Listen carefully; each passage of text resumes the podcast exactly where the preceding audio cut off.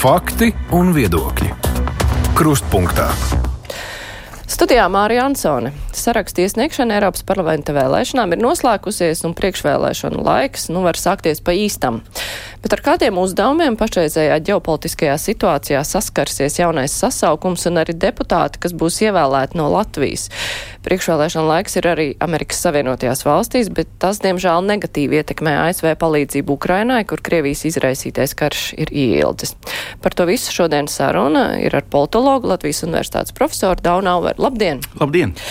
Nu, Eiroparlamenta tas priekšvēlēšana laiks ir oficiāli sācies, lai gan gaisā bija jūtams jau sen, un kandidāti, kuri vēl nebija oficiāli nosaukt par kandidātiem, jau bija mēs varējām prognozēt, ka viņi būs kandidāti pēc izteikumiem sociālajos tīklos. Bet nu, tie vēstījumi, ar kādiem kandidāti nākt, ir ļoti dažādi. Ņemot vērā to, ka šis sasaukums darbosies pilnīgi citā laikā nekā sāka darboties iepriekšējais. Ar kādiem vēstījumiem būtu jānāk mūsu deputātu kandidātiem, ņemot vērā arī nu, tās pilnvaras, kas ir šai institūcijai? Nu, manuprāt, tie vēstījumi nemaz nav tik svarīgi. Uh, galvenais ir uh, darba pieredze un, um, varētu teikt, tā tuvā pagātne. Jo, nu, kā zināms, Eiropas parlamentā pēc nākamajām vēlēšanām būs 720 deputāti. Desmit būs no Latvijas. Tātad nu, 1, cik tur ir, uh, piedodiet, jā, jā. 9. Šobrīd 8, būs 9 no mhm. Latvijas. Mm -hmm. Tātad nu, 1, kaut kas uh, procents no, no visiem Eiropas parlamenta deputātiem. Tāpēc tas vēstījums faktiski nav tik būtisks. Uh, tas jautājums ir, kāda autoritāte būs šiem deputātiem, lai citi deputāti gan konkrētā partija grupā, bet arī ārpus grupas strādājot, uh, piemēram, uh, komisijās, lai viņus uzklausītu. Un tāpēc es gan liktu uzsvaru uz šo um, CV, varētu teikt. Un latviešu vēlētājs arī to ļoti labi zina. Jo, ja mēs skatāmies uz uh, pēdējām Eiropas parlamenta vēlēšanām, nu, faktiski kopš 2004. gada, uh, Latvijā konsekventi ievēl politiķus, kam ir tas biezais CV politikā, kam ir tā pieredze. Un to Latvija un arī Lietuva un Igaunija ļoti atšķirās no citām Eiropas Savienības valstīm. Jo citās Eiropas Savienības valstīs uh, Um, nu, Pišķīti mainījies tagad, bet vēsturiski tās Eiropas parlamenta vēlēšanas nav tik nopietnas. Tās ir tā saucamās otrā šķira vēlēšanas, kā, kā zinātnieki to dēvē. Um, šīs otrā šķira vēlēšanas raksturo to, ka cilvēki mazāk piedalās, tad līdzdalība uh, krietni atpaliek no nacionālām vēlēšanām. Un otrkārt, uh, kad uh, vēlētāji nav tik nopietni šīs vēlēšanās. Viņi ir gatavi balsot par visādām dīvainām partijām, par visādiem dīvainiem politiķiem, kā protesta balsojumu. Un tāpēc Eiropas parlaments 80. gados, 90. gados, kad sākās tiešās vēlēšanas uz Eiropas parlamentu, bija tāds nu, visai nenopietns likumdevējs. Nu, tur bija visādi pensionāri, visādi tādi jaunieši, kas sāk savu politisko karjeru, bet jebkurš nopietns politiķis Eiropā strādāja savā nacionālā likumdevējā vai izpildvarā, un noteikti nebija Eiropas parlamentā. Eiropas, ja tu biji Eiropas parlamentā, principā tu biji lūzers. Un tas viss sāk mainīties 90. gadu uh, otrā pusē, pēc Maastrichtas līguma pieņemšanas, kad, kad uh, Eiropas Savienības pilnvaras krietni auga, un tad sāk parādīties arī nopietni politiķi. Un tad no 2004. gada Baltijas valsts un arī dažas citas um, jaunās dalībvalstis, kas iestājās 4. gadā, um, piedalījās vēlēšanās ar visai nopietniem kandidātiem. Un tad pēkšņi Eiropas parlamentā bija bijušie premjeri bijušie finanšu ministri, bijušie ārlietu ministri. Un uzreiz šī institūcija kļuva daudz nopietnāka. Un, protams, ka šiem politiķiem ar šo biezo politisko vēsturi viņiem ir lielāka ietekme kā kaut kādam jaunam zājam gurķim no Zviedrijas, kas pirmo reizi kandidējas politikā, lai iegūtu kādu pieredzi, pirms atgriežas uz to nopietnu politiku uh, Zviedrijā. Um, tad latviešu vēlētāji konsekventi balso par šīm spēcīgām personībām, um, zinot, uh, ka šie cilvēki būs tie, kas atstās kaut kādu ietekmi. Eiropas parlamentā. Bet, Tātad tie lozungi, manuprāt, nav tik svarīgi. Tajā pašā laikā, paskatoties, ar kādiem vēstījumiem nāk partijas, tieši norāda uz to, ka tādi, kas ar saviem biezajiem CV tur ir bijuši un nav panākuši Latvijas interešu pārstāvniecību, pietie, pārstāvniecību pietiekamā līmenī, jo mums uh, tiek pārmet zemnieki par to, ka ir pārāk daudz uh, Briseles uh, birokrātu ietekme pārāk liela, ka mēs neaizstāvam nacionālās intereses. Tas ir tieši tas, uz ko viena daļa partija tagad savās programmās spēlē. Mm -hmm.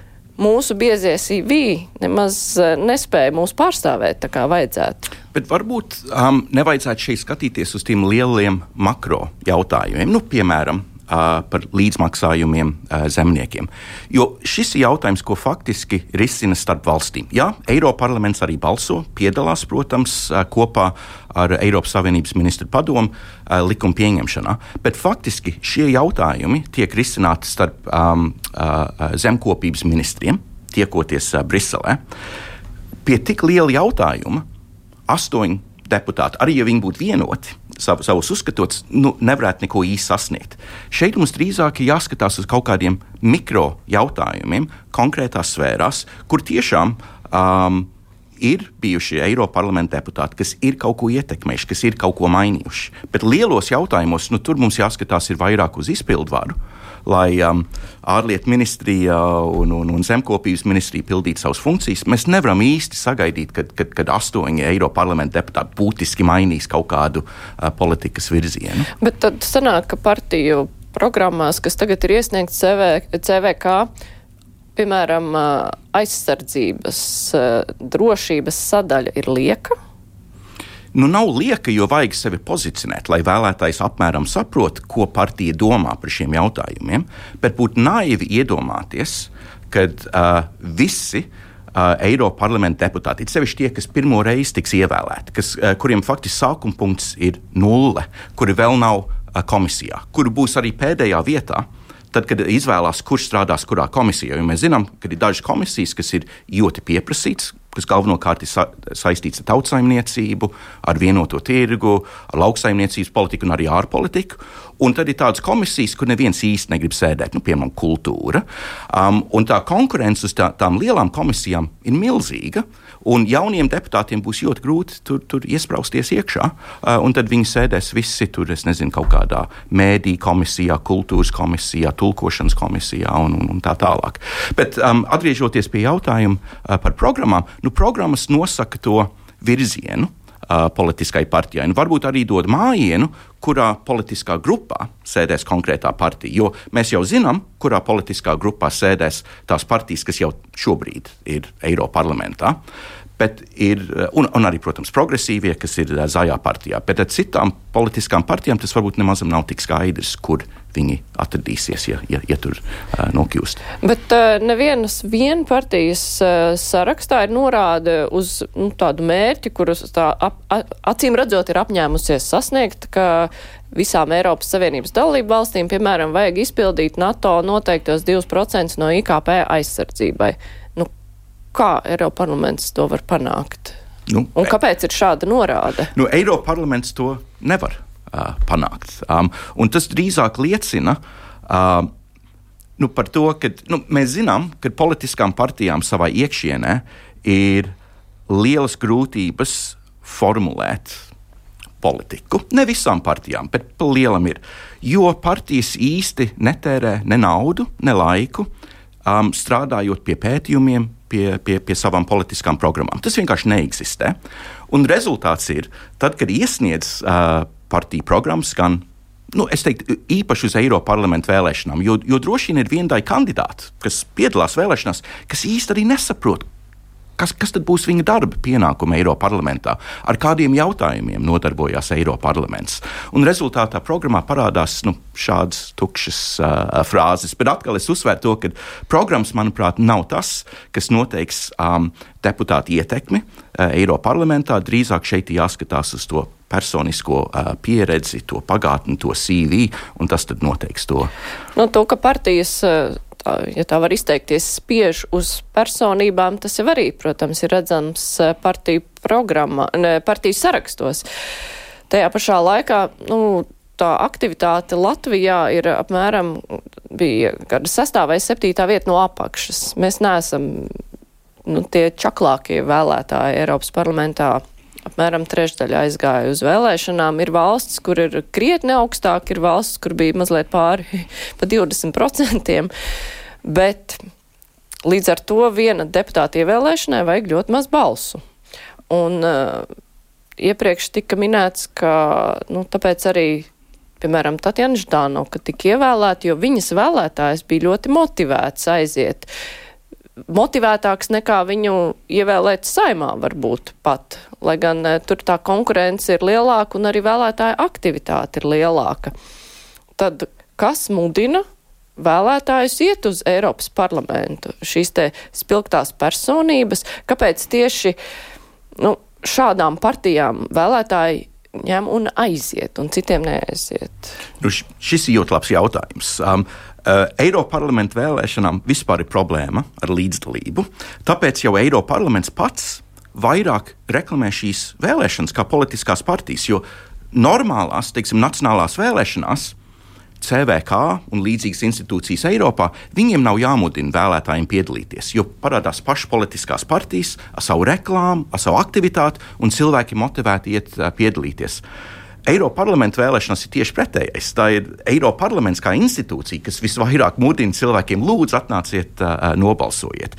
Zinot, ka vēlētāji, viena, da, viena liela daļa, īsti nesaprot, ar ko Eiropas parlaments nodarbojas, un arī tie, kas saprot, uzskata, ka šie jautājumi ir šausmīgi garlaicīgi. Tehnokrātiski tur saistīti ar kaut kādām kvotām, kaut kādām likuma labojumiem, lai uh, transporta sistēma strādātu labāk, efektīvāk Eiropā un tā tālāk. Tāpēc nav vienkārši pārliecināt cilvēkiem iet balsot par šiem jautājumiem. Kaut gan tie jautājumi, protams, ir šausmīgi svarīgi un ietekmē um, Eiropas un arī Eiropas Savienības dalību valsts konkurētspēju. Uh, nu, lūk, un, um, tad, tas ir pirmais. Ir, ir grūti motivēt cilvēkiem iesaistīties gan pie mums, gan Francijā, gan Spānijā, Grieķijā, visur, visur Eiropā. Otrs ir tas, ka uh, ņemot vērā, ka um, Eiropas Savienība nodarbojas tikai ar tādu ierobežotu jautājumu loku. Um, un liela daļa tie jautājumi ir garlaicīgi. Nu, diez vai mēs varam motivēt vēlētājiem piedalīties. Un tāpēc ir tas uzsvars uz tiem kandidātiem, uz tiem harizmātiskiem līderiem, politiķiem, kas ir jau ieņēmuši, vai dažos gadījumos pat ieņem augstus amatus. Nu, piemēram, vēl viena īpatnība uh, Latvijā ir tas, ka uh, kandidē ministri kuri pašreiz sēž ministru amatos uz Eiropas parlamentu. Lai gan jāatzīst, ka viņi nu, neieņem tās augstākās vietas, nevar īsti saprast, viņi tiešām grib tur nokļūt vai cer uz savas partijas rezultātu vai necer, jo tur ir tā, ka nu, tuvāk otriem galam. Nu, jā, nu, tā ir vēl viena īpatnība, kad ir ļoti daudz tie kandidāti, bet faktiski partijas var cerēt, nu, maksimāli varbūt trīs kandidāti. Laikam labākais rezultāts vēsturiski ir, ir kad uh, četri kandidāti tika ievēlēti no vienas partijas, bet jāizpild pilna kandidāta saraksts, lai partija izskatītos uh, pietiekami uh, nopietna. Nu, bet kas tad motivēja Latvijas-Krievijas Savienības vēlētājus iet uz vēlēšanām? Nu, ja mēs paskatāmies uz kontekstu šobrīd, kad ir atklājies, ka Tatjana Ždanoka atbilstoši insider publicētajai informācijai ir sadarbojusies ar Krievijas pēcdienestiem. Vai, nu, grūti jau, protams, iedomāties, ka vēlētāji tieši to ir zinājuši un viņiem ir bijis kāds īpašais mērķis tajā pašā laikā nu, tur kaut kāda mērķtiecīga rīcība ir notikusi vai nav? Un kāds vēstījums tad ir dots šie, šiem vēlētājiem Krievijas Savienības? Nu, es esmu pietiekami daudz pētījis Eiropas parlamenta vēlēšanas uh, Latvijā un, un, un Baltijas valstīs, un arī par to rakstījis. Un, uh, Latvijā pa lielam uh, vēlēšana kampaņa saistās ar to, uh, ko mūsu kandidāts var ietekmēt un kā var ietekmēt. Un ļoti lielu fokusu uz to individu. Un pa lielam iet runa par to stāstu, kā, kā mēs pārstāvēsim Latviju. Nevis savu vēlētāju bloku, bet kā mēs pārstāvēsim Latviju. Un ir pilnīgi skaidrs, ka uh, Tatjana Židānoka un līdzīgas politiskās partijas saviem vēlētājiem uzsver to, mēs aizstāvēsim jūsu intereses. Jā, mēs Eiropai stāstīsim, kā jūs tiekat apspiesti, jā, ka jums ir tik grūti dzīve, balsojiet par mums, un mēs nodrošināsim to, ka Eiropa liks spiedienu uz Latviju, lai būtu labāk. Kaut gan, protams, tas tā nenotiek. Um, un, un šis diskurss ir ļoti efektīvs. Nu, līdzīgi kā um, tās, uh, teikt, tās koalīcijas partijas, tās, kas tradicionāli ir bijusi um, Latvijas valdībās pēdējos 20 gadus, tur arī līdzīgi ir. Viņi bieži vien stāsta, ka jums jābalso par mums, jo mēs stāstīsim Eiropai, ka Tatjana stāsts nav tas īstais, kad, kad, kad, kad, kad Latvijas interesi ir pavisam savādāks, ka mēs esam normāla demokrātija, mēs neapspiežam mūsu minoritātes un tā tālāk. Bet vai tas ir tik nevainīgi? Nu, zinot, ka šis jau arī nav vienīgais gadījums, un pēdējā laikā ir trīs tādi gadījumi, uh, publiskoti. Tur gan runa ir par cit, citiem deputātiem, mm -hmm. ne Eiropas parlamenta, bet eh, kas eh, arī bija iemesls, kāpēc Eiropas parlamentā tas viss tik ļoti apspriests un tika izteikti aicinājumi noskaidrot, eh, kas tad vēl mūsu rindās ir sadarbojušies ar Krieviju, uz kādiem nosacījumiem sadarbojušies ar Krieviju. Nu, tā nav tikai runāšana, ka jūs tiekat mhm. apspiesti, mm -hmm. bet varbūt tas ir kas vairāk. Bet jautājums, vai Eiropa ar to spēja tikt galā? Nu, Krievijas ietekme, ja mēs runājam par Eiropas parlamentu, iet cauri Eiropas parlamentu deputātiem. Un tas bīstamais moments varbūt nav Tatjana un tiem, kas ir līdzīgi Tatjanai. Nu, tie, kas, ir, kas nav piedalījušies balsojumā, piemēram, sodīt Krieviju pēc Krievijas agresijas pret Ukrajinu. Jo nu, mēs jau zinājām, ka Žadānoks kundzei ir kaut kādas attiecības ar Krieviju, nu, īpašākas attiecības kā citiem deputātiem. Tas bīstamais moments ir, kad iespējams Eiropas parlamentā ir deputāti, deputāti palīgi, ierēdņi un tā tālāk, kas ir uh, draudzīgi Krievijai, bet mēs par viņiem nezinām. Un tas ir tas bīstamais moments. Uh, tie, kas ir ļoti labi noslēpušies, nu, piemēram, pirms uh, divām, trim nedēļām bija šis gadījums Igaunijā, uh, kad atklāja, um, ka iespējams politikas zinātnes profesors starptautiskā politikā Vjačeslavs Morozovs Tartu Universitātē ir Krievijas aģents. Un tad, kad es šo lasīju, to, tobrīd es vēl atrados uh, akadēmiskā atvainājumā Ziemeļamerikā. Es biju šokēts, jo es esmu ticies vairāk reizes ar uh, profesoru Morozovu um, uh, Tartu universitātē, dažādās konferencēs, pasākumos, un viņš bija pilnīgi integrēts augstskolā. Viņš bija pilnīgi integrēts arī uh, Igaunijas intelektuālā sabiedrībā, uh, piedalījās uh, konferencēs, diskusijās, komentēja uh, dažādos mēdījumos notikums Krievijā un viņš tika uzskatīts par mūsējo. Un šis ir tas izaicinājums, cik ir vēl tādi kā uh, profesors Morozovs, uh, kas atrodas ne tikai mūsu Baltijas valstīs, bet arī Eiropas parlamentā. Un šis ir tas neatbildētais jautājums, protams. Tātad es par tādu, nu, vairāk politiķi pateikuši, kad, kad šis uh, atzinums par Židānoku viņus nepārsteidz. Man arī tas nepārsteidz, arī par līdzīgiem, kas ir balsojuši līdzīgi kā Tatjana, bet nu, kā ir ar šiem aģentiem, par kuriem mēs neko nezinām. Bet vai kāds ir spējīgs viņus atrast un izķert? Tas, nu. ka Igaunijā spēdzienās ļoti nopietni tam pievēršas, mēs varam iedomāties, jo nu, tīpaši mūsu reģionā tas ir ļoti, ļoti, ļoti nopietni jautājums, tālāk uz rietumiem to arī uztver tikpat ļoti, ļoti, ļoti nopietni.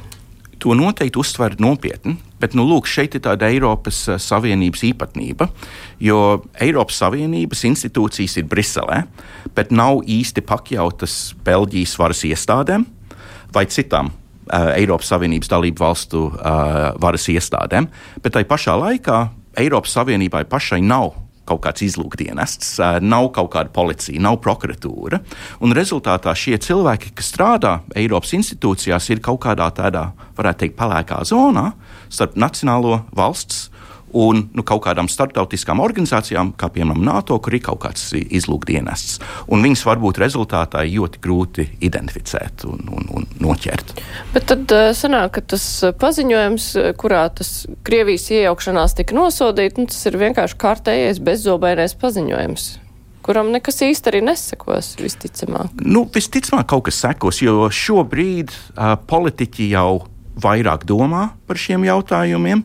Um, nu, ir vairāk satraukušies par uh, Krievijas ietekmi, um, ir ļoti daudz ziņojumu publicēti pēdējā laikā, kas cenšas analizēt uh, Krievijas ietekmi ne tikai Baltijas valstīs, bet arī Rietumvalstīs. Piemēram, uh, Vācijas uh, Maršala fonds uh, publicēja ļoti jaudīgu pētījumu par Krievijas ietekmi Francijā, Vācijā un, un divās citās uh, Eiropas valstīs, um, kur tika nosaukt konkrētas institūcijas, konkrēti cilvēki, um, un arī uh, bija tīri bieza rekomendācija daļa par to, ko, ko darīt, lai vēl vairāk uh, vērsties pret uh, šiem uh, avotiem. Tāpēc nu, kaut kas tiek darīts.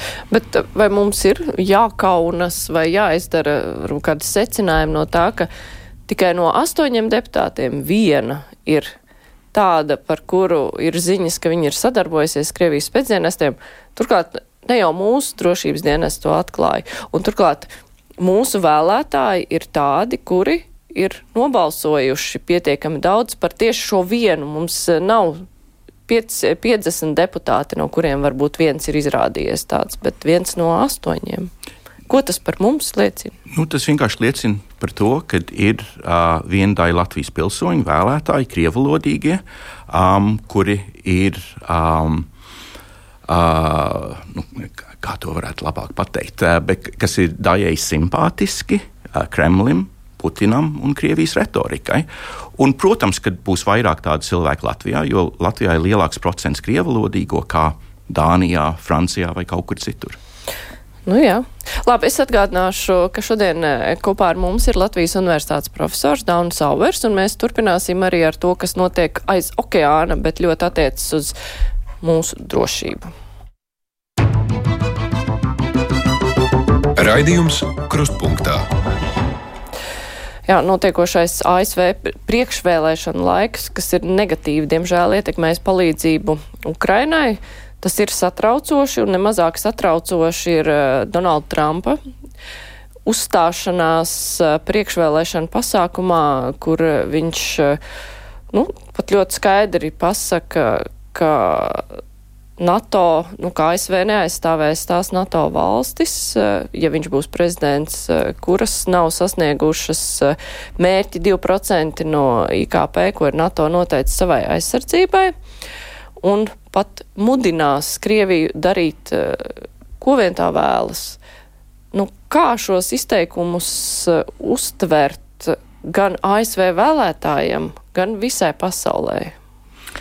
Nu, pirmkārt, tas nav pārsteigums. Uh, Donalds Trumps ir līdzīgi runājis, varbūt ne tik tieši, bet ir līdzīgi runājis jau kopš 2016. gada, kad viņš aktīvi iesaistījās uh, cīņā par uh, prezidenta uh, amatu. Ir ļoti daudz grāmatas publicētas, kas atklāja aizkulises Baltajā namā, kad Trumps bija prezidents, un, un saturs arī šīs grāmatās netiek apstrīdēts. Tās nav kaut kādas uh, uh, kā, nu, jā, nu, dīvaini, uh, nepierādami stāsti. Um, Un tur ļoti skaidri iezīmējās bilde, ka Donalds Trumps netic NATO. Viņš, viņš, viņš neredz pievienoto vērtību Amerikai. Um, tur dažviet tiek piesaukt konkrēti piemēri, kā Igaunija, piemēram, kad tiek uzdots jautājums, kāpēc mums aizstāvēt Igauniju? Igaunija turpat tās atrodas pie Sanktpēterburgas. Protams, ka tas ir kaut kādā Krievijas interešu lokā, nevis, nevis mūsu ASV. Un Trumps vienkārši, viņš nav, acīm redzot, nav mainījis savus uzskatus pēdējos astoņos gados. Tāpēc nu, pārsteigums tas nav. Bet, uh, ja viņš nonāk līdz darīšanai, un kāds tas signāls ir Krievijai gal galā? Nu, NATO nav tikai ASV, protams, ir arī pietiekami daudz uh, citas valstis, bet uh, signāls Krievijai ir ļoti skaidrs, uh, kad uh, Krievija gribēs, lai Donalds Trumps uzvar uh, prezidenta vēlēšanās. Un šobrīd nu, ir divi veci vīrieši, kas visticamāk cīnīsies par prezidenta amatu. Šobrīd, protams, abas partijas izvēlās savus kandidātus, bet um, nu, būtu jānotiek kaut, kaut kam nu, pilnīgi šokējošam, lai Trumps neuzvarētu un, un Džos Baidens neuzvarētu. Tātad divi uh, ļoti veci uh, vīrieši, abiem ar zināmām nu, sklerozes uh, pazīmēm, uh, cīnīsies par šo augsto uh, amatu. Uh, tas neko labi nesaka par Amerikas demokrātiju. Bet vai Trumpa krimināla apsūdzības neko nevar mainīt. Mums eh, viens klausītājs eh, pirms tam brīvajā mikrofonā bija ļoti pārliecināts, ka tur vispār nav ko uztraukties. Krams, Trumps taču nonāks cietumā. Bet uh, ASV konstitūcijā nekas nav rakstīts par to, ka prezidents nedrīkst pildīt savus pienākumus aiz restēm. Vienkārši tas, tas nav likumdošanā paredzēts. Tā tad uh, ir Tas ir ļoti maz ticams scenārijs, bet ir iespējams tāds scenārijs, kad uh, nākamais ASV prezidents varētu sākt savu um, prezidentūras laiku aiz restēm, un tad, protams, pārbaudīt uh, ASV uh, demokrātiju un konstitucionālo iekārtu, jo tad viņš visticamāk pirmais lēmums būtu uh, apžēlot sevi. Un nav skaidrs, vai tas ir atļauts likumā vai nē. Visticamāk, tas ir, bet nav skaidrs, tas nav pārbaudīts uh, līdz šim. Bet tātad nu, Trumps varētu mierīgi sēdēt aiz restēm un arī gan tikt ievēlēts, gan arī pildīt prezidenta funkcijas.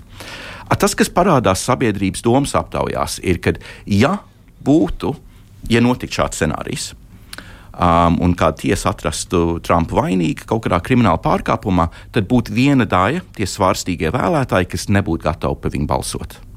Un tātad tas varētu mazināt viņa uh, iespēju tikt ievēlētam kā prezidentam, nu, par dažiem procentu punktiem. Bet šobrīd, pēc pēdējām sabiedrības domas aptaujām, Trumps ir pārliecinošs vadībā. Baidenam nav neviena nopietna um, um, socioloģija šobrīd, kas rāda, ka Baidens būtu pirmā vietā. Um, Trumpam apmēram 4, 5, 6% uh, vadība. Pieņemot, ka šie kungi abi cīnīsies par prezidenta amatu. Bet ar ko tas ir skaidrojams? Kāpēc šis salikums tagad ir tāds? A, a, kāpēc tieši šie uh, kāpēc, kāpēc Trumps ir vadībā? Pēc nu, socioloģijas. Baidena problēma ir tas, ka viņš vienkārši ir par daudz vecs ieņemt šo amatu. Um, nav citi nopietni kandidāti vairāk iemeslu dēļ, jo tiem, kam ir lielas ambīcijas, politiķi tie ir pārsvarā ASV prezidenti ir vai bijuši vai gubernatori vai uh, senatori.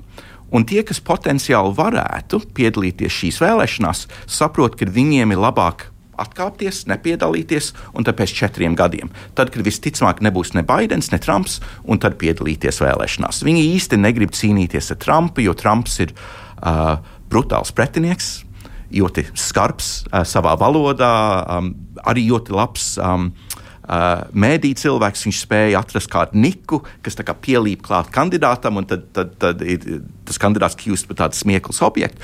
Un, protams, citi demokrāti grib izvairīties no šī tā, bet Baidens ir gatavs uh, iet uz to. Ja ir jautājums, kāpēc uh, sabiedrība atbalsta, nu, viena lieta ir, ir, ir piedāvājums. Protams, uh, sabiedrība tikai balsot par tiem kandidātiem, kas tiek piedāvāti, un, un demokrātiem īsti nav izvēle. Um, Republikāņiem bija. Tātad Būdams akadēmiskā atvainājumā, es arī noskatījos visu kandidātu debatas. Pirmais šķiet bija augusta beigās pagājušo gadu, un pēdējais bija janvārī. Un pirmā debatē piedalījās 10, 12 kandidāti, bet ne Trumps. Un tad pēdējā piedalījās vēl tikai divi, divi kandidāti. Tad no, ātri tika samazināts šis kandidātu lokus. Bet neviens tas kandidāts nebija nopietns pretinieks uh, Trumpam. Vienkārši Trumps spēja uzrunāt lielu vēlētāju daļu, apmēram plus mīnus puse no uh, amerikāņiem, pārsvarā vecāku paudzi, pārsvarā vīrieši, bet ne tikai. Pārsvarā tie ar uh, zemāku um, izglītību, bet arī ne tikai. Uh, um, un pārsvarā Amerikas uh, dienvidos un vidienē, un mazpilsētās un laukos, nevis lielās pilsētās. Viņš ļoti efektīvi šos cilvēkus uzrunā, viņš runā vienkāršā valodā, viņam ir ļoti vienkārši vēstījumi, viņš vienkāršo to politiku uz to, ka mums jāslēdz robežas jāsamazina nodokļus, um, jābeidz tērēt naudu, aizstāvot kaut kādas valstis, kas ir tālu prom, un mēs nesaprotam, nu, kāpēc, nu, kāpēc tas ir mūsu interesēs, un jādomā par sevi un viena daļa vēlētāji tas ļoti efektīvi uzrunā. Bet uh, nu, attieksme pret Krieviju republikāņu vēlētājiem. Uh, viņus vispār nemulsina tas fakts, ka Trumps ir drīzāk nu, nu, ne, ne nu pozitīvi noskaņots pret Krieviju, bet katrā ziņā netaisās uh, pretim stāvēt Krievijai, ja tā, teiksim, apdraud Eiropu, un uh, līdz ar to jau arī Amerikas demokrātija atrodas uzreiz zem sitiena. Drauds numur viens republikāņu vēlētājiem ir Ķīna. um, un, uh, un, un dienvidu robežu. Uh, ar dienvidu robežu saprot to, ka uh, Latvijas amerikāņieši, tad no nu, Dienvidu Amerikas iedzīvotāji no dažādām valstīm pārplūst pāri robežu, ienāk Amerikā ar savu valodu, ar savu kultūru, savām tradīcijām un izjūg mūsu vecās, senās anglo-sakšu pamatā uh, tradīcijas. Un tikai trešā vietā parādās Krievija, ja vispār Krievija. Un Donalds Trumps arī tīri konsekventi astoņus gadus ir stāstījis par to, ka nu, Krievija mums īsti nav drauds. Krievija varētu būt mūsu sabiedrotais. Vladimirs Putins ir lielisks politiķis. Viņš ir sakārtojis savu valsti ar, ar stingru mugurkaulu un stingru roku. Un, um, drīzāk mums būtu jāsadarbojas, jo viņš ir tāds kā mēs. Viņš ir kristietis, viņš ir balts um, un viņš, viņš aizstāv konservatīvās vērtības. Un um, šī retorika astoņu gadu garumā ir, ir ļoti efektīvi iestrādājusi. Uh, uzturoties ASV, jums izdevās uh, satikties ar kādiem latviešiem, republikāņu atbalstītājiem. O, jā. Un eh, kā viņi uz to visu raugās? Viņi um, netic, ka Donalds Trumps būtu uh, drauds Baltijas drošībai. Viņi um, uzskata, ka šis stāsts par to, ka uh, Trumps ir draudzīgs Krievijai, ir uh, mākslīgi sarežģīts, uh, kad ir tie vecie tradicionālie mēdīji, kas to stāsta, un kad patiesībā nē, nē, nē, viņš ir tāds īsts, viņš ir tāds cīnītājs, uh, viņš ir stiprais līderis, tas, ko angļuiski saka, strongman, un ka drīzāk viņš ar mugurkaulu, ja būtu konflikts, viņš būtu tas, kas būtu gatavs mūs aizstāvēt un nebūtu tāda stostīšanās, kā būtu ar demokrātisku vēlētāju. Nu, pa lielam tas ir tas stāsts. Bet uh, varbūt tāds arī ir, un varbūt visi tie izteikumi par uh, NATO kā valstu neaizstāvēšanu, ja viņi paši nepilda savus pienākumus, ir nu, tāds tā kā mudinājums sapurināt tās NATO valstis, lai tad maksā, un tad jau beigās viss aizies, jo viņš jau bija prezidents uh, vienu reizi, un nu, it kā jau neko tādu šai ziņā nesalaida grīstē. Tikai daudz runāja, bet eh, tajā pašā laikā lika arī Eiropai domāt. Nu, jā, nu, tā varētu teikt, ka tā ir tiešām viena pozitīva lieta no Donalda Trumpa pirmās prezidentūras, kad Eiropas valstis, it sevišķi skatoties uz Vāciju un dažām citām, bija spiestas padomāt par to, ko mēs darām drošības jomā, saprast, ka tas īsti nav adekvāti un sākt šo procesu, kas tad pātrinājās pēc uh, 22. gada, investēt vairāk savā aizsardzībā un arī kopumā uh, NATO aizsardzībā. Bet atgriežoties pie Donalda Trumpa, nu, es esmu pārliecināts, uh, ka viņš tiešām skeptiski raugās uz NATO. Um, pirmā prezidentūras laikā valsts departamentā, kas ir ASV ārlietu ministrija, aizsardzības departamentā, bruņoto spēkos un arī viendaiviņu padomdevēji bija tie tradicionālie republikāņi, kuri atbalsta NATO, atbalsta sabiedrotos, um, uzskata Krieviju kā ienaidnieku numur viens un ir gatava darīt visu, lai aizstāvētu gan Baltijas valsts, Poliju un arī citas um, Eiropa, uh, NATO valstis. Uh, tas, kas parādās retorikā tagad, uh, gan laikrakstos, gan politiķu runās, ir, ka, ja Donalds Trumps uzvarēs vēlēšanās, tad būs kadra tīrīšana.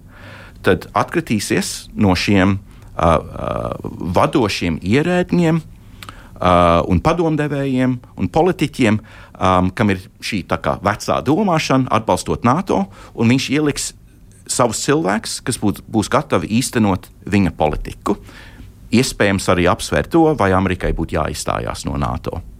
Un tas izskatās tīri nopietni, jo mēs zinām, ka pirmā prezidentūrā bija šī plaisa starp Trumpu un viņa tuvākiem padomdevējiem. Un vadošiem ierēdņiem un citiem, kam bija jāpilda teiksim, kaut kādas uh, norādījumus. Viņi pa lielam ignorēja viena daļa prezidenta um, vēlmes vai ieteikumus.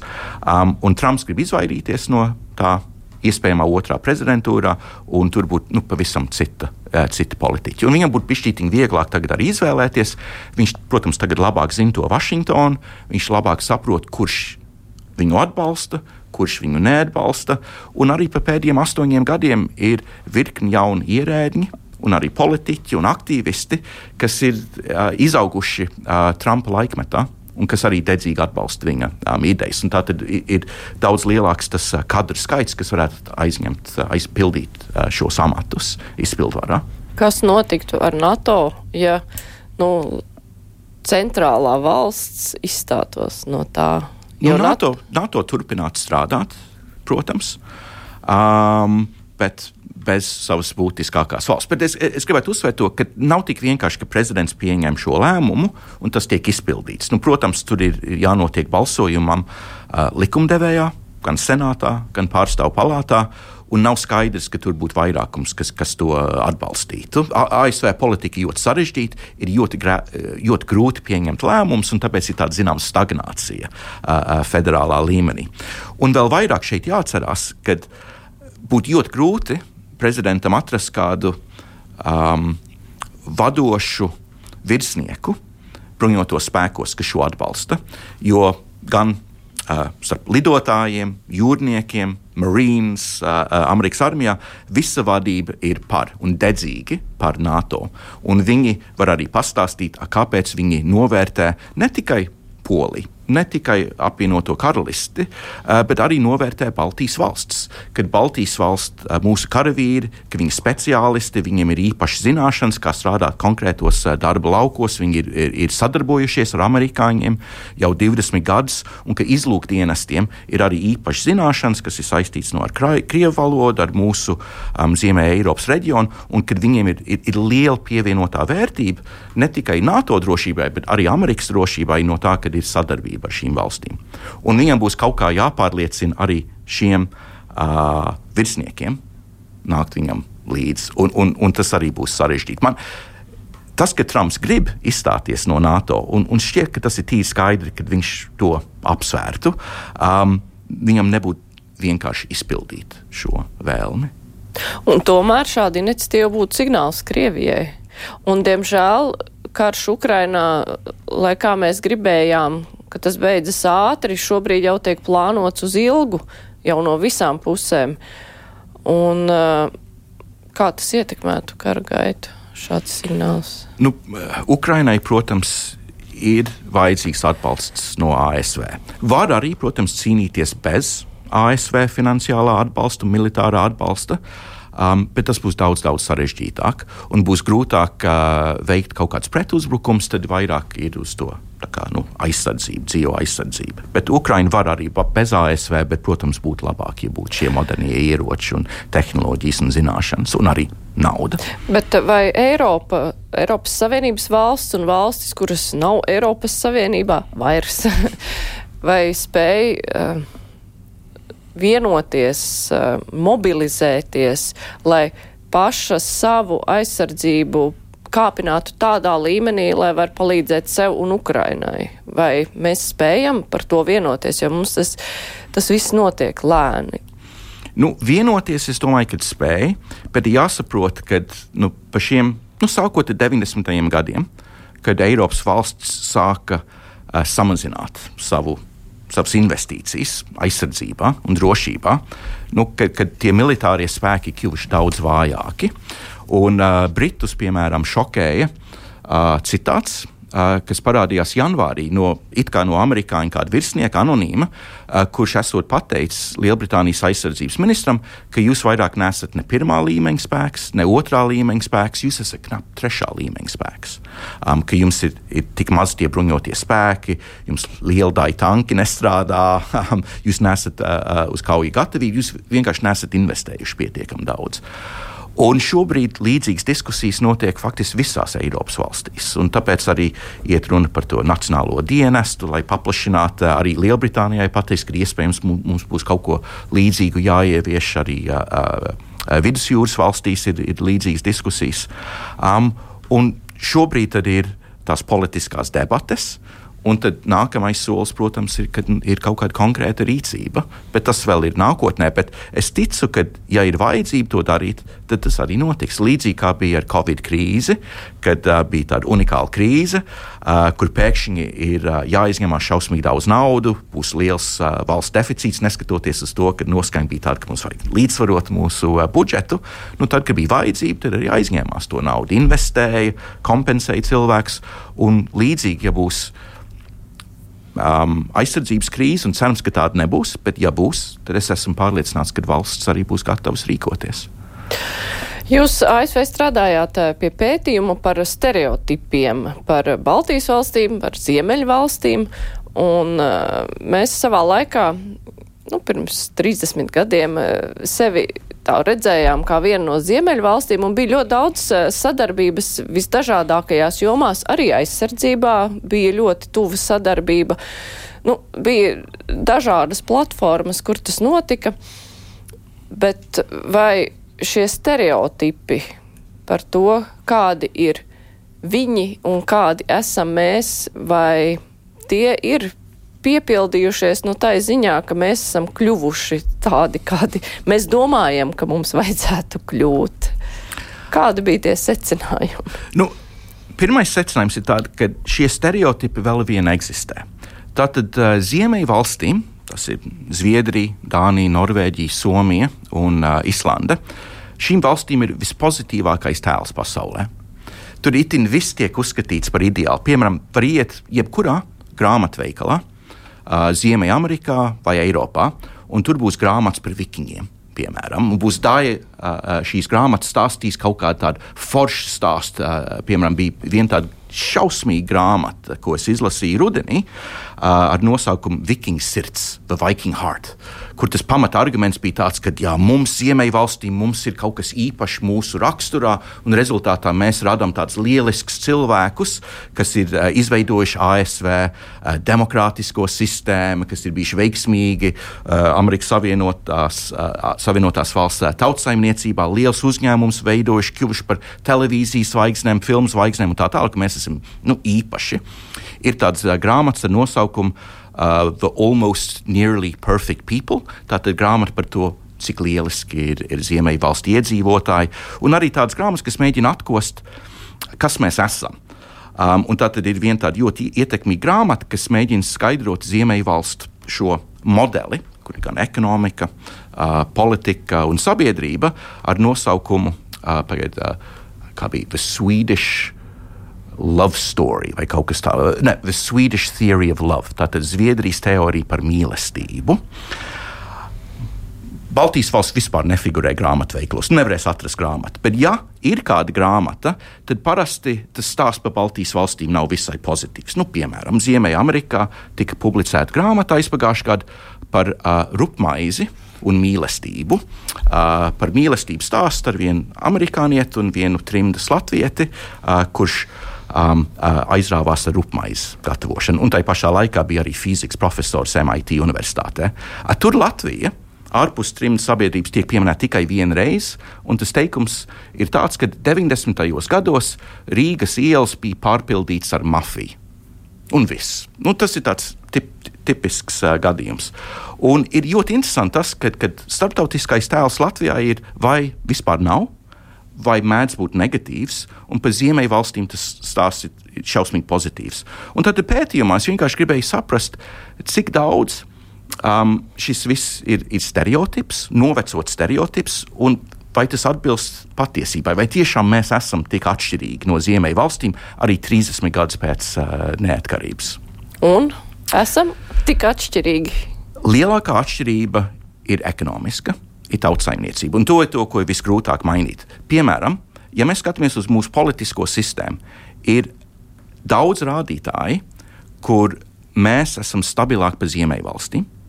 Jo Ziemeļvalsts sistēma ir, ir, ir, ir um, izcietusi tādu lielu politisko krīzi pēdējos 20, 30 gadus. Uh, premjerministri biežāk mainās, ir jaunas politiskās partijas, kas ir ienākuši likumdevējā, un politiskā sistēma ir, ir šķelta un dalīta un strīdīga. Un tas vecais tēls, ka tur viss notiek mierīgi un ka visi strādā kopā un ir tāds zināms konsenss, kas ir tas atslēgvārds Ziemeļvalstu demokrātijā, nu, tas vairāk īsti nav. Un viņa politiskā sistēma vairāk atgādina mūsu politisko sistēmu. Un bija brīdis, pagājušā vasarā, šķiet, tas bija ap dziesmu svēkiem, kad uh, Krišāns Kariņš bija uh, tas premjerministrs. Šķiet, Norvēģijā bija bijis šī ilgāk ieņēmis amatu, bet Krišāns Kariņš bija otrā vietā kā premjerministrs, kas visilgāk bija bijis amatā. jo visu laiku tur bija kaut kādas svārstības un maiņas citās uh, valstīs. Un arī virkni citi rādītāji, gan par likumdevēju stabilitāti, gan par partiju stabilitāti, kas liecina par to, ka mēs esam pilnīgi konverģējuši un faktiski dažos jautājumos jau apzinuši Ziemeļvalstis. Lielā atšķirība vēl ir viena tā ekonomiskā, un, un tas prasīs laiku. Un, um, tā ekonomiskā atšķirība arī, protams, ietekmē labklājību, jo Latvijā mēs esam pieņēmuši līdzīgi kā Lietuvā un Igaunijā to Ziemeļvalsts labklājības modeli. Mums ir pabalsti visādām sabiedrības grupām, bezmaksas, zināmā līmenī, veselības aprūpe, izglītības sistēma un tā tālāk. Bet tas viss ir šausmīgi dārgi, un mēs uzņēmām. Uzņēmām šīs saistības jau faktiski sākot ar 90. gadiem, un tad papildinājām 21. gadsimtenī. Ja mēs skatāmies vēsturē, kurā brīdī Ziemeļvalsts pieņēma šo politiku, labklājības politiku. Tas bija tikai tad, kad šīs valsts jau bija bagātas. Piemēram, Zviedrija 1970. gadā bija ceturtā bagātākā valsts pasaulē. Um, viņi bija piedzīvojusi IKP pieaugumu. Tikai Japāna apsteidza iepriekšējos simts gados. Šī valsts bija fantastiski bagāta. Un šis bija tas brīdis, kad um, Zviedrijas politiķi nolēma paplašināt to minimālo labklājības valsts, kas jau eksistē, un paplašināt un piedāvāt, nu, piemēram, bezmaksas augstāko izglītību visiem, piedāvāt no 75. gada bezmaksas stomatoloģiju, zobārstniecību un tā tālāk. Bet mums tas viss jau bija no 90. gadiem, kad mūsu budžets īsti nevarēja izvilkt.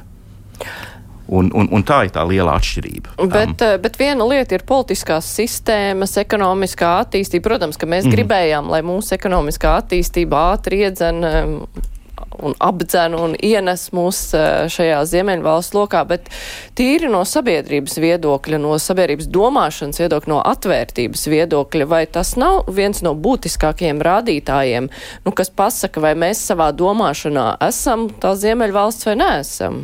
Nu, domāšana mainās ļoti lēnām. Tur jāskatās faktiski paudžu līmenī. Jo, protams, cilvēki, kas bija nu, piemēram 30 gadu veci, neatkarības brīdī, nevar sagaidīt, ka viņiem tagad radikāli mainīsies domāšana nākamos 30 gados. Zināmi viedokļi par kaut kādiem konkrētiem jautājumiem diez vai strauji mainīsies. Bet, ja mēs skatāmies uz jauniešiem, tur ir liela konverģence notikusi. Um, aktivitāte nevalstiskās organizācijās, līdzdalībā politikā un tā tālāk, un tā atšķirība nemaz nav tik liela. Bet uh, arī domāšana par to, kādi mēs paši esam, vai mēs. Uh, sevi varam uztvert kā veiksmes stāstu arī tad, ja kaut kur kaut kas nenotiek. Jo šobrīd, nu, diemžēl, ir tendence. Uh, es nezinu, cik tas ir apzināti vai neapzināti, cik tur daudz ir covid ietekmi, jo to ļoti grūti izsakot, uh, kam, kur tam kājas aug, bet uh, tieši tā Latvijas neveiksminieka tēls tiek popularizēts mūsu pašu vidū. Mēs paši to stāstam viens otram. Tiesa, kā nesen varēja manīt sociālajos tīklos, ka arī igauņi par sevi sūdzas, bet uh, tomēr vai mums pašiem ir jāpiestrādā pie tā, lai mēs paši sevi sajustu kā veiksminieki, lai mēs šo stereotipu, ka mēs atpaliekam no kaimiņiem un uh, cik mēs nemākam atšķirībā no viņiem, ka mēs paši to varam mainīt? Nu, faktiski visi ir nelaimīgi zināmā mērā. Kaut gan, protams, Ziemeļvalsts pēc ANO datiem ir starp laimīgākām pasaulē, mēs esam redzējuši, ka tur arī pišķītiņi mainās, ka tur ir cilvēki pišķītiņi neapmierināti ar to, kā sabiedrība attīstās. Migrācija ir jautājums, kas ir ļoti ietekmējis, piemēram, vidējā zviedra apmierinātību ar dzīvi un apmierinātību ar politisko situāciju. Bet atgriežoties pie tā jautājuma par, par Latviju, jā, stereotipi arī ietekmē to, kā mēs paši skatāmies uz valsti. Un, ja mums ir tāds negatīvs stereotips par mūsu valsti, tad jā, eh, mēs visticamāk negribēsim maksāt nodokļus valstī, mēs būsim gatavi izvairīties no tā, iet kaut kādā eh, pelēkā eh, ekonomikā, mēs būsim gatavi migrēt prom no šīs valsts, jo tā valsts nav izdevušās, meklēt laimi kaut kur citur un tā tālāk. Tātad, jā, tas, ka mēs negatīvi paši novērtējam mūsu valsti, tas arī at, atstāja dziļāku ietekmi. Kā, kā mainīt šo stāstu? Manuprāt, vienīgi un tikai ar ekonomisko attīstību. Jo, ja ir vien, viena lieta, kas ir klibojusi bišķītiņa Latvijā pēdējos 30 gadus, tā ir tā ekonomiskā attīstība. Mēs varam redzēt, ka no līdzīga sākuma punkta um, mēs krietni atpaliekam no Igaunijas un Lietuvas. Um, un, uh, tāpēc arī uh, prezidents ir izveidojis uh, konkurētspējas komisiju, tāpēc arī uh, valdība daudz nopietnāk skatās uz šo ekonomisko jautājumu. Cerams, ka nākamos gados būs kaut kāds ekonomiskais izrāviens, uh, kad varēs varbūt saprast. Uh, kur tad Latvija ir konkurētspējīga, un tad fokusēt vairāk tieši uz šīm ekonomiskām aktivitātēm un atjaut.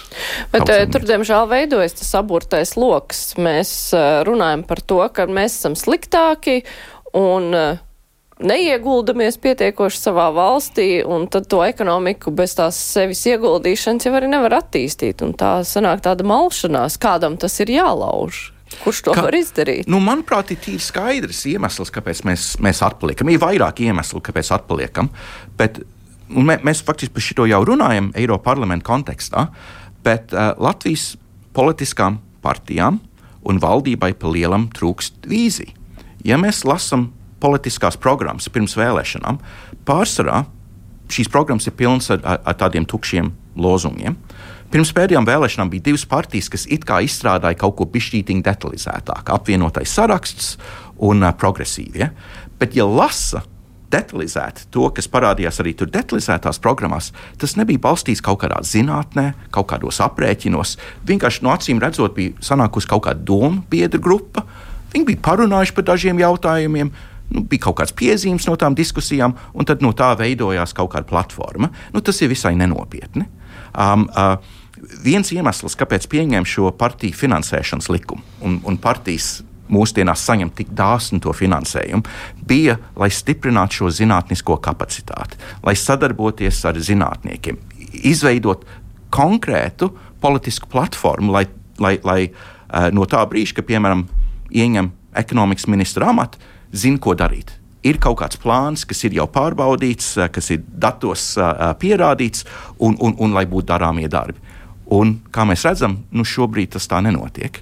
Parasti ir tā, ka parādās jauns ministrs, ieņem amatu un pasakā, ziniet, man vajag saprast, kas notiek nozarē, un tad eventuāli es kaut ko pateikšu. Un tad, kad ir jau gatavs plāns, tad visticamāk valdība mainās vai kaut kādas vēlēšanas, un parādās jauni politiskie spēki. Nu, cilvēkiem ir arī neticība papīriem, jo valdība deklarācijas un rīcības plāni dažkārt ir uzrakstīti ļoti detalizēti, bet pēc tam, kad uh, sāk iet cauri, tad izrādās, ka ir daudz iemeslu, kāpēc to nevarēja izdarīt. Es teiktu, ka nav detalizēti. Tur varbūt ir parādās kaut kādi mērķi, bet tur neparādās tā ceļa karte. Kā sasniegt to mērķi.